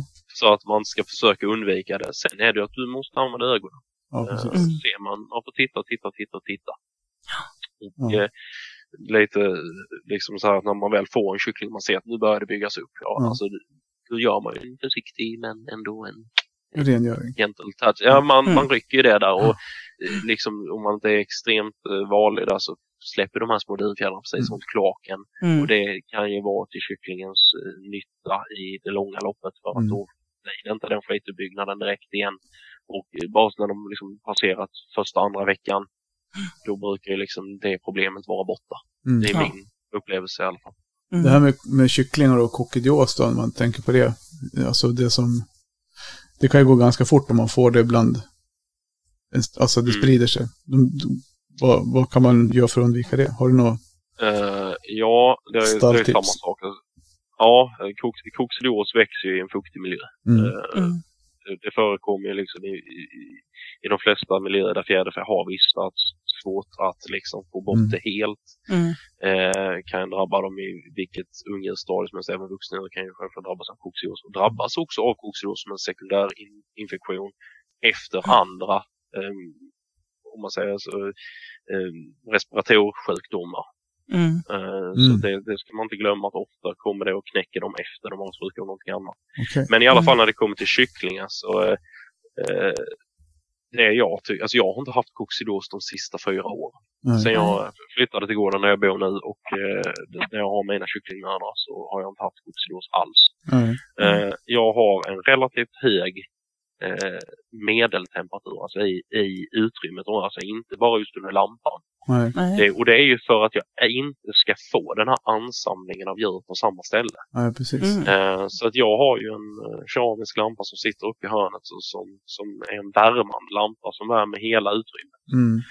Och så håller det ju sådär någonstans runt eh, 28 grader. Skulle jag nog säga. Det håller Mm. 27-28 grader. Mm. När det är som varmast. Och då gör ju det att kycklingarna de, de sprider sig liksom fritt i hela den. Och det är liksom olika konstellationer av kycklingar som ligger ihop under, under dygnets alla timmar när de vilar eller vad de nu gör. Eh, och det gör ju att det blir inte den här ansamlingen. Sen Ja, självklart rengöring. Eh, man ska aldrig få det fuktigt. Sen så har jag ju, om man nu då, alltså jag, jag rekommenderar ju aldrig fat eller något. Har man stora öppna vattenfat så lägg i eh, vad heter lekekulor eller Ja, småsten sten, eller ja, någonting. precis. Ja, Mm. så att de inte kan liksom ner och doppa sig i det. Nej. Och sen få upp alla, alla mattråg och sånt, och vattentråg i synnerhet, få upp dem från marken. Ja. Så jag har ju tagit eh, putsnät, grovt putsnät. Sen har jag bockat det och sen har jag vävt ihop det till nätkorgar som ställer upp och ner. Mm. Och så ställer jag alla vattentrågen upp så att alltid kommer in luft under. Ja, Så att alltid torkar Mm. ut. Mm. Det gör ju att, eh, och det är ju liksom det är ett så basalt enkelt tips. Men visst Mm. har man inte varit med, om, varit med om det första gången man får ett Mm. koccidosangrepp så blir man ju helt knäckt. Ja, Ja. men det, är, och det, det är just det här du säger nu, Mm. det är det som gör att en av de roligaste aktiviteterna, eller bäst nyttigaste aktiviteterna vi gör i föreningen, det är hemma hos-dagarna, när man åker till andra hönsmänniskor och tittar på hur de har löst. För det Mm. finns ju nästan lika många lösningar på sånt här som det finns hönshus. Mm. Absolut. Så det är ju jättekul att, att höra din... Ja, men det var, det var ett, alltså ett så oerhört mycket bättre svar än vad jag någonsin vågade hoppas på. Ja, Jag verkligen. hade, jag hade typ svarat så här, ja det är ju vanligt när de bajsar att det torkar i, i, i fjädrarna och det är inte farligt, ta lite fuktigt papper och ta bort det. Mm. Hade jag sagt. Ja, det, Mm. det blev Ja, för, nej, för invecklat. Nej, det blev ett enormt bra svar. Det är Ja. jättebra. nej, för jag hade faktiskt ett resonemang med Sandra som var med också för några avsnitt sen, alltså Sandra Andersson. Och eh, då pratade hon även bland annat om araukanerna och de är ju gumplösa, så hon hade sett att det kunde vara en alltså, större risk för de raserna kanske än, än ska säga, vanliga raser med, med gump. Gumpade raser. Gumpade raser, ja precis. Och att hon även tyckte att hon hade kunnat avla lite mot det. Och det kanske gäller just de här gumplösa. Och då att de får Att de hade lättare att få sån här bajspropp. Ja. Ja. Shit. Ja, Om det, det kan ha något jag- med, med anatomin Ja, att göra. det, det, ja, kanske. Jag, jag, bor- där, där, jag ger mig inte in i den diskussionen. Jag har faktiskt aldrig avlat någon av de stjärtlösa varianterna. Så det, Nej. Nej, jag tycker det, jag tror vi fick svar på frågan. Fantastiskt. Ja, Ja, ja, Det är absolut. en spännande tanke. Jag har inte aldrig reflekterat över det. Nej, precis. Men spännande. Mm. Vi hade en till liten fråga som dök upp i någon Facebookgrupp när det gäller det här att tvätta bajs från ägg. Det finns ju, där finns det också så här, egentligen, ibland så, eh, det är ju bra att frågor kommer upp och då, för, då ser man ju verkligen att vi är på, vi tänker väldigt olika. Mm. För mig så är det, är det bara så här, ja men det är bara att ta bort bajset. Ja. Så, men, men vissa, det, det är många som skriver att man ska inte tvätta dem för att hållbarheten försämras och och då var det någon som skrev, ja men hur länge ska du spara äggen då? Om jag tvättar mitt ägg idag och äter det imorgon så har det inte hänt något. Liksom. Då, Nej. Men vad, vad säger du generellt, bajs, bajs på äggen, det finns ju en anledning till att det blir, om man ofta Ja. har mycket bajs på äggen, vad har du att säga om det? Och, och ska man tvätta dem? Ja, alltså, ja, anledningen till bajsväggen, är- vi, vi pratar om ett, ett kloakdjur så Ja, att det är helt omöjligt att komma ifrån. Ja. Det är liksom, eh, de styr varken om de blir skitnödiga eller om de blir värpenödiga. Det kan samträffa. Mm. Så att eh, Nej, men jag tänker mer på alla det här, att de värper. Ja, alltså för att vi har ju, Ja, jag har ju upplevt, eh. om man säger personen, upplevt att Mm. om man har till exempel för mycket höns i för få reden just när de värper mycket, Mm. eller att det är, ja, det är smutsigt i redet, att det är, ja du vet jag menar att, lite så jag tänker. Mm, Jo, just det. Alltså upp, uppgång till re, alltså det, är, det finns så mycket med det där. Eh, det finns ju enkla designlösningar till att börja med, alltså som, som kan reducera det. Det är ju hur man placerar redet i förhållande till husets övriga konstruktion. Mm, Mm. Sitter det direkt innanför eh, ingången till utgården, ja då kommer du nog ha mer lera i redet än vad du Mm. har eh, skit. mm, Eh, ja, sitter det på andra positioner där, där djur måste liksom passera några meter i rent strö för att komma upp, ja då har ju förhoppningsvis också viss torka men de kan också dragit med sig mer skit. Mm. Har du en sittpinne utanför, ja då kan du sluta med att de sitter där och som skiten in i redet. Mm. Eh, och det finns ju många grejer där. Men Mm. eh, om man säger tvätta eller inte tvätta. Ja, precis. Ett, ett ägg är ju det är ett membran, ett genomsläppligt membran. Vi tittar på det styrs av osmos. Eh, har du ett högre salttryck utanför ägget kontra innanför då kommer den ju dra ut fukt istället för att dra in. Eh, Mm. Vice versa. Och det är också genom de här porerna i ägget som bakterier kan färdas in. Mm. Eh, jag gjorde en sån här en, en, ett provkläck. Jag har gjort många, jag har gjort både gåsägg och hönsägg där jag har då lagt in 100 otvättade ägg kontra 100 tvättade ägg. Mm. Mm. Sen har jag statistik på detta vid ett antal tillfällen. Och liksom det, eh, jag får ju bättre kläckbarhet på tvättade ägg än otvättade ägg. Okej. Mm. Eh, men det är inte så här det är inte en enorm ökning, men det har också kanske varit för att äggen jag, som var otvättade har inte varit extremt skitiga. Nej. Men jag har också, jag, jag har aldrig någonsin haft, alltså jag, där har man ju också liksom någon gång, man har kanske lagt in en 400-500 ägg i en kläckare. Mm. Bam, smängt igen dörren, ja där har funnits skit i ägg. Ja. Mm. Det har ju hänt liksom. Och då, det jag skulle säga att i synnerhet nästan aldrig någonsin att något av de äggen har kläckts. Mm. Men jag har varit med om extremt skitiga ägg som jag har tagit in och tvättat och kläckt dem. Ja. Så det för mig är liksom lite så här. Och sen med, med gåsäggen så eh, när jag började med på allvar för ja, fem år sedan nu och började prata med Anders Engberg som är utanför Hörby. Mm. Han är ju en gåsguru. Det han, Mm. inte kan, det han inte kan kläcka i gåsväg, det finns inte. Nej. Det är, och det är inga extravaganta kläckare så utan det är bara han har en jäkla feeling med det. Mm. Och det första året så blev det mycket ägg och det var mycket skitiga ägg. Och de, alltså Mm. Jesse är ju en jäkla slabberövare. Och det var ju mög överallt och jag undrade var, jaha okej, tvätta eller inte tvätta på. Ja. Mm. Och ringde Anders och sa vad tror du? Så sa han, ja men tvätta dem. Så han, det, du måste, och, och ta in dem, så han, ta dem nästan helst innan de faller ur röven på, på honan och sen så in och tvätta dem och sen så Mm. Mm. in i kläckaren. Ja, tänkte jag. Så hade jag kört eh, nog 50 gåsägg innan det utan, och det blev alltså inte en gässling. Det Nej. var bara skräp alltihop. Jag tänkte, vad fasen är det? Och, jo, jag tog in och så tvättade jag. Och direkt så var det embryon och lev i nästan alla. Så Mm. det var inte befruktningen det var fel på. Nej, okej. Eh, sen också kläckning är ju en, en process i sig och gäss är ju, vissa Mm. har jättetur med gäss, andra har inte tur med gäss. Men Mm. under två år så kan jag tipsa alla gåsuppfödare ut också att eh, ska ni liksom börja kläcka på allvar så kan man stå i begrepp om att köpa en kläckare. Mm. Så prioritera en, en, en andandes träkläckare istället för en Mm. plast. Mm. För att det, det där materialvalet gör all skillnaden. För under det året jag tror jag ringde 15, 16, 17 personer som föder upp gäss. Och Mm. eh, så frågade jag, har du för kläckare, vad har du för kläckare, vad har du för kläckare? Och vad får du för resultat? Eh, samtliga med plastkläckare hade betydligt sämre kläckbarhet än, eh, än, än träkläckarna. Mm. Och det är ju som sagt, ja det kan vara, vara stunden. Men jag, jag tror inte det. Nej. För samma sekund som jag bytte från min ombyggda eh, kylkläckare till Mm. min mine och träkläckare så fick jag 80 kläckbarhet. Mm. Mm.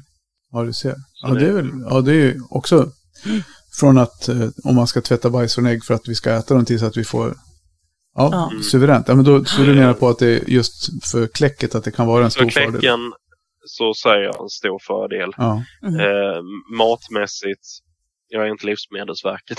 nej. Men eh, jag har ju liksom, det är- också bara en sån erfarenhetsmässig grej. Liksom, Ja, jag har haft höns i alla mina år. Jag har ätit tvättade ägg och man har ju, de har ju liksom lagt ner vatten de ska kokas och ja, allt Mm. däremellan liksom. Ja. Jag har inte dött än. nej. Inte något äggrelaterad eh, sjukdom i alla fall. Så att, eh, nej, jag lämnar det till matexperterna just den biten. Men kläck Mm. så tvätta. Härligt. Du, eh, alltså supertack Erik för att du tog dig tid ikväll att vara med. Ja, tack så Ja. hemskt mycket för att jag fick vara med. Jag hoppas, ja, jag, det känns som att vi får anledning att återkomma till dig och prata lite mer. Mm. Om du har lust. Ni är välkomna. Ja. Mer än välkomna. De som åker lyssnar. Och sen tror jag att vi, vi pratade med Jirka här så han är Mm. Lanthunds Lanthundsklubben. Ja, vi skulle väl försöka kanske göra en resa till honom. Han bodde ju inte jättelångt härifrån. Det är lite Mm. längre att åka ner till dig, men jag och Tarja kanske kommer förbi och kikar. Jajamän, ni är hjärtligt sommar? välkomna. Ja. Hjärtligt välkommen. Ja, men du, supertack. Vi, vi nöjer oss där tycker jag, för jag känner att vi har verkligen fått allt vi ville, behövde ha utav dig. Ja, och lite till. Och lite till. Ja, Så Ja, ni är hjärtligt välkomna. på återhörande, Erik. Ha det gott. Ja. Ja, ha det bra. tack. Ha det. Hej, Hej, hej. hej.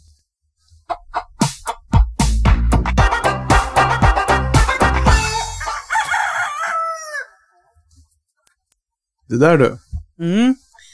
Alltså, te- alltså, man lär sig så mycket av Hundspodden, Ja, om jag får sig. säga det själv.